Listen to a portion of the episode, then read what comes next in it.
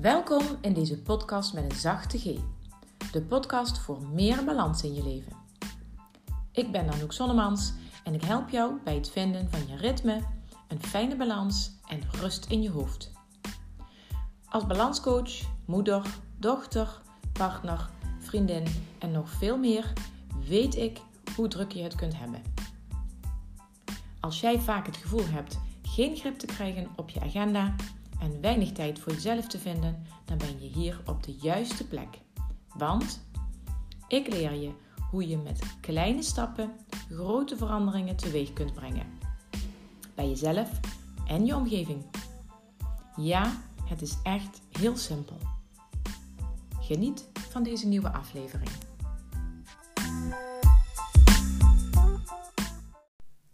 Hoi, wat leuk dat je luistert naar weer een nieuwe aflevering in de podcast In Balans.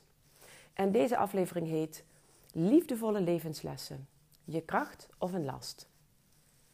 Het is een vraag die ik jou stel en ik zal hem eh, in deze aflevering even toelichten. En ik zeg er alvast bij: dit is de eerste aflevering van een serie. Ik weet nog niet uh, hoeveel afleveringen er nog op gaan volgen.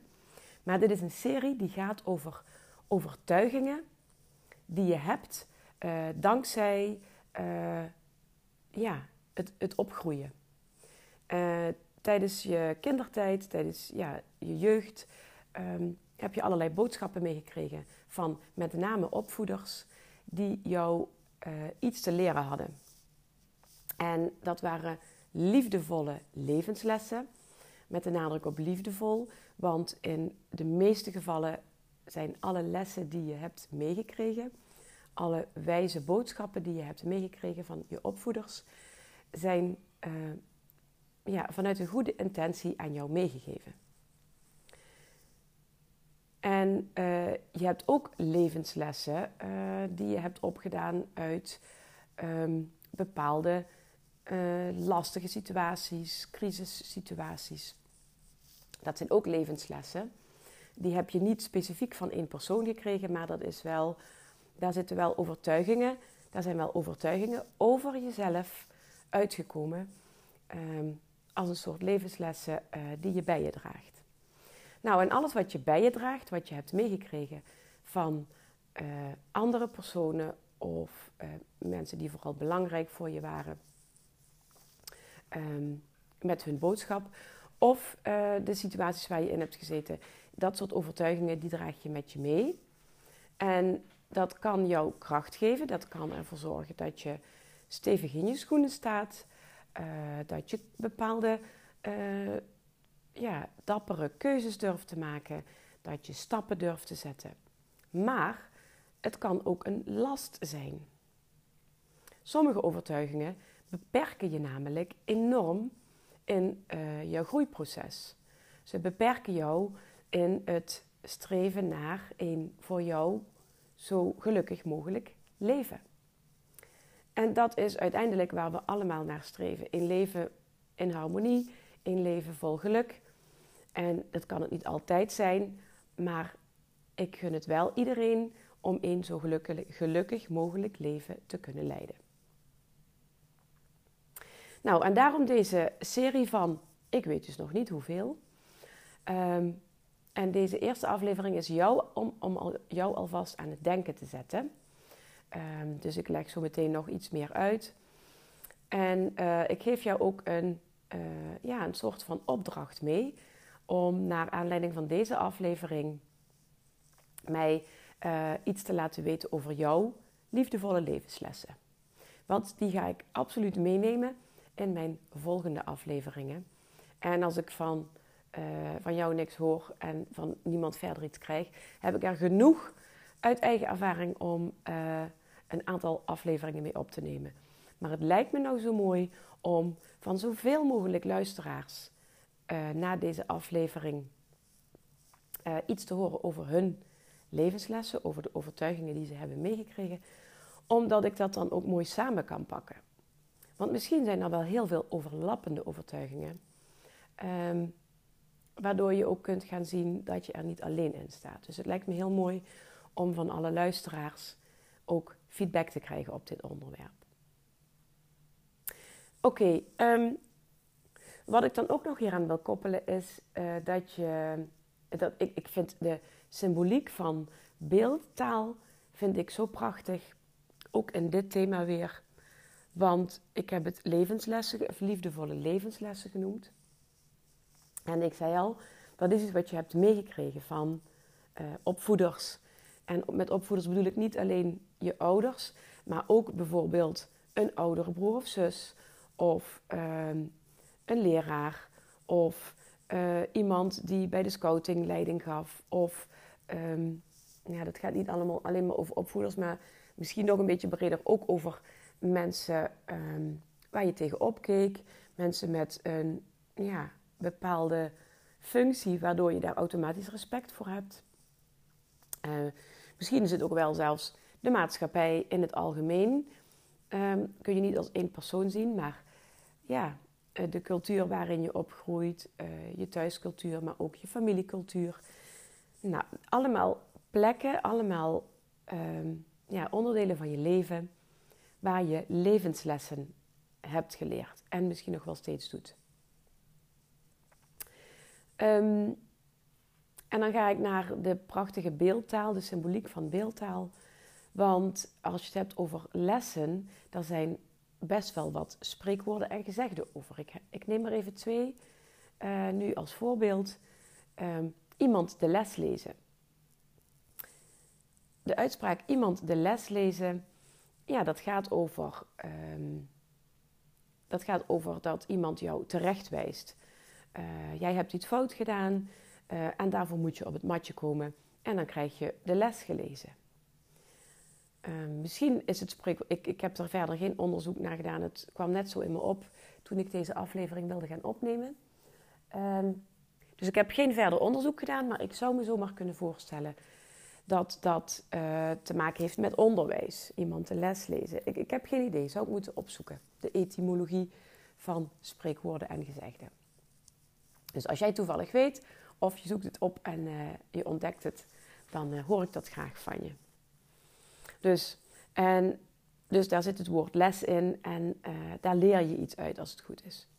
Maar nog zo'n spreekwoord is, of uitdrukking is um, dat je je lesje leert. Iemand een lesje leren. dat gaat ook over ja, dat, dat je van iemand iets geleerd krijgt. Vaak ook in negatieve zin dat je ergens dat je niet braaf bent geweest of niet, iets goed, niet goed gedaan hebt volgens bepaalde regels. En dan heb je, uh, dan, ja, heb je daar een negatieve consequentie van.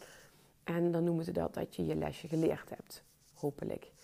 En van in beide um, uh, uitspraken zit zo'n negatieve ondertoon in dat je stout bent geweest of dat je um, je niet aan regels hebt gehouden en dat je dus verdient om, uh, ja, uh, hoe zal ik dat nou zeggen, om onderuit te gaan. Dat je het verdient om een uh, tik op je vingers te krijgen of iets in die trant.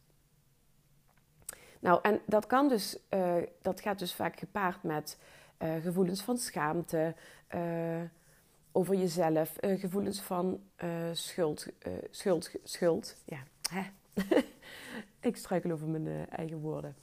Gevoelens van schuld, misschien wel verdriet, omdat, iets, uh, omdat je straf hebt gekregen als kind. Of um, uh, nou, misschien wel een tik op je vingers of ergens anders. Um, en waar ik, ik koppel dit ook meteen aan een soort van um, autoriteit. Dus de, de autoriteit, in welke persoon dan ook, heeft jou iets geleerd en dat heb je op een harde, uh, ja, uh, harde manier moeten leren. Dat geeft dus ook een uh, negatieve bijsmaak en dat neem je dus mee. Dat neem je mee in de rest van je leven. Dat wat jij geleerd hebt, daar waar je niet braaf bent geweest, waar je niet aan de regels hebt gehouden, um, en je hebt daar straf voor gekregen of je hebt daar op een andere manier een lesje geleerd. Uh, dat neem je vaak mee de rest van je leven. En daar zul je dus in, je, in de toekomst veel voorzichtiger mee zijn. En terughoudend. En misschien zal het jou wel uh, enorm beperken tot op de dag van vandaag, omdat je ooit als vijf- of zesjarige een lesje hebt geleerd. Ehm, en uh, dat zet zich vaak om in overtuigingen. En die overtuigingen die komen ook weer terug in taal. En in, deze vorm, in de vorm van een zin. Een zin die je uh, vaker hebt gehoord of die zich in jouw systeem heeft vastgezet. Ik neem even het voorbeeld, omdat we het er net al over hadden, uh, braaf zijn. Dat je braaf moest zijn. Dat is één uit mijn eigen, uit mijn eigen ervaring. En ik zal die alvast licht aanstippen. Misschien komt die nog wel als een aparte aflevering terug. Maar mijn vader zei dat vroeger uh, uh, wel tegen mij, of toen ik, toen ik wat opgroeide, ik denk in de puberteit, uh, braaf, braaf blieven, zei hij op zijn Limburgs. als ik de deur uitging of zo, braaf zijn is dus voor mij een heel belangrijke overtuiging. Ehm, die me al, die me best wel ver heeft gebracht, kan ik wel zeggen. Want ik ben nooit ergens in aanraking geweest met justitie of minder erg. Ik heb bijna nooit uh, straf gehad van een leraar op de basisschool of de middelbare school. Ik denk dat ik zowel op de basisschool als op de middelbare school in totaal twee keer, nou nee, drie keer, er schieten me nou drie voorbeelden binnen, dat ik, uh, dat ik straf heb gehad. Op de basisschool heb ik een keer moeten. Oh, dan ga ik het helemaal toelichten. Ga ik niet doen. Dus het heeft me dat gebracht dat ik me aan de regels houd en dat mij dat dus bijna nooit in de problemen heeft gebracht. Ja, drie keer kan ik me inderdaad herinneren. Um, anderzijds is het juist ook een beperking. Want de regels die gesteld zijn, um,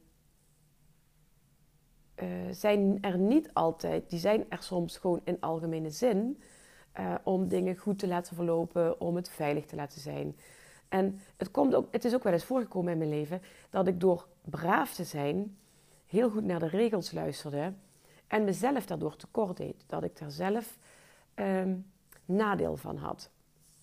En dan gaat het niet over door rood rijden en uh, uh, dan, um, uh, dan een auto-ongeluk krijgen. Daar heb ik het dan niet over natuurlijk, want dat zijn gewoon de dingen waar ik me echt graag aan houd. Maar, dat er een, maar het gaat dan misschien nog wel vaker over een soort van ongeschreven regels. Dus, um, en het grappige is dat ik die overtuiging, die specifieke overtuiging, is bij mij afgelopen najaar 2022, dus nog redelijk recent, is die mij pas helder geworden. Dat die mij vaak uh, op, op sommige momenten ook gewoon um, een last is geweest. Dat het mij energie heeft gekost, omdat ik me ergens zo graag aan een regel wilde houden, uh, dat, ja, dat, het mij, dat ik mezelf daarmee tekort deed. Ik zal in een aflevering inderdaad verder daarop ingaan. In welke, hoe het was toen ik er mij niet aan hield. En hoe het was toen ik er mij wel aan hield. En hoe, het dan, ja, hoe ik daar een nadelige effect van heb ervaren. Dus dat is een voorbeeld van mij. En zoals ik al aangaf in een eerdere, uh, eerder in deze aflevering. Ik ben zo benieuwd naar wat voor een overtuigingen dat jij hebt. In de vorm van een kort zinnetje of misschien wel een langere zin. Uh, die je nog altijd met je meedraagt vanuit je opvoeding, vanuit school, vanuit um, bepaalde situaties, overtuigingen, liefdevolle levenslessen die je hebt moeten leren in een bepaalde situatie, uh, die jou nu tot last is, of die ook juist je kracht is geweest. En misschien nog altijd is. Um, ja, en ik vraag me inderdaad nu hardop af: zijn die levenslessen, zijn die altijd of het een of het ander? Is het altijd uh, je kracht tot een, bepaalde, tot een bepaald moment en wordt het daarna een last? Um, of is het ook bijna altijd wel een samenspel van die twee je hele leven? Dus dat het altijd wel iets zal zijn wat een groot deel je kracht is, waar je heel, heel veel aan hebt en hebt gehad. En voor een bepaald gedeelte het ook een last kan zijn. Dat vind ik wel interessant. Kan ik je nu nog geen antwoord op geven, uh, maar wellicht dat het gedurende deze serie van afleveringen over dat thema duidelijk gaat worden. Nou, um, ja, en ik zou willen zeggen, als je dit hoort, om zoveel mogelijk van uh, zoveel mogelijk input te krijgen van de luisteraars, is het natuurlijk belangrijk dat deze aflevering ook op heel korte termijn zoveel mogelijk geluisterd gaat worden. Hij duurt maar 15 minuutjes, zie ik. Uh, dus ik zou willen zeggen, uh, als je dit hebt geluisterd, ga het delen met mensen, collega-ondernemers, je buurvrouw, um, je, je, ja, je, je dochter, je vriendin. En ik, ik heb het nu alleen maar in vrouwelijke termen, maar misschien ben je een man die luistert en wil het aan je beste vriend vragen. Vraag alsjeblieft aan zoveel mogelijk mensen om hier naar te luisteren en me daar vervolgens ook feedback op te geven. Hoe zit het met jouw overtuigingen? Welke liefdevolle levenslessen draag jij nog altijd met je mee? En stuur mij dan jouw uh, belangrijkste, nou zal, ik zeggen, doe er drie of zo, een top drie van overtuigingen die je nu nog bij je draagt waar je iets bij ervaart. Oftewel een kracht, oftewel dat het een last is. En stuur mij dat dan aan info.anoukzonnemans.nl En ga delen, hè. Ga delen. Stuur deze aflevering door via WhatsApp. Ehm, zet het op je socials, dat zoveel mogelijk mensen dit zien. En uh, laat ze weten dat er een opdracht aan uh, vastzit om uh, inzicht te krijgen in overtuigingen en vooral ja, overlappende overtuigingen, waar meer mensen dat, ja, waar misschien wel meer mensen van dezelfde overtuigingen last hebben of waar het hun kracht is. Dankjewel alvast voor het delen. Heel erg bedankt voor het luisteren. En uh, ja, ga delen. Ga het met mij delen en ga het met je omgeving delen. En ik ben heel benieuwd naar wat eruit komt. En ga ook vooral je abonneren op deze aflevering, op deze podcast. Via het medium waar je luistert. En zodat je, dus je er zeker van bent dat je ook het vervolg op deze aflevering gaat horen. En je weet het, ik sluit af waarmee ik altijd mee afsluit. Zorg goed voor jezelf, zodat je er ook voor de ander kunt zijn.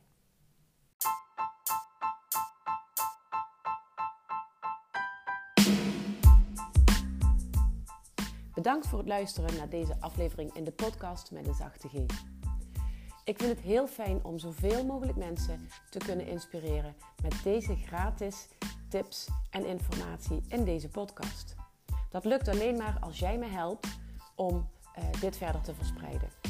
Doe dat op je social media, tag mij daarin. En als je niet weet hoe dat moet, stuur ze gewoon door de afleveringen naar iemand waarvan jij denkt dat dit een geschikt, uh, geschikte aflevering kan zijn. En dan stuur je ze door via WhatsApp of via e-mail. Kan allemaal heel makkelijk. Want weet je, jij krijgt van mij deze gratis informatie. En als bedankje zou ik het fijn vinden als je dan ook um, dit wilt delen met jouw netwerk. En weet je, als je nog iets voor mij zou willen doen, dan mag je ook iets achterlaten. Een e-mailtje naar info.anoukzonnemans.nl Of misschien kun je in het medium waar je luistert naar deze podcast wel wat een review of iets anders achterlaten. Ik zou het heel fijn vinden. En voor al je vragen en andere informatie die je met me wilt delen, stuur je mij een mailtje of ga je naar mijn website www.anoukzonnemans.nl.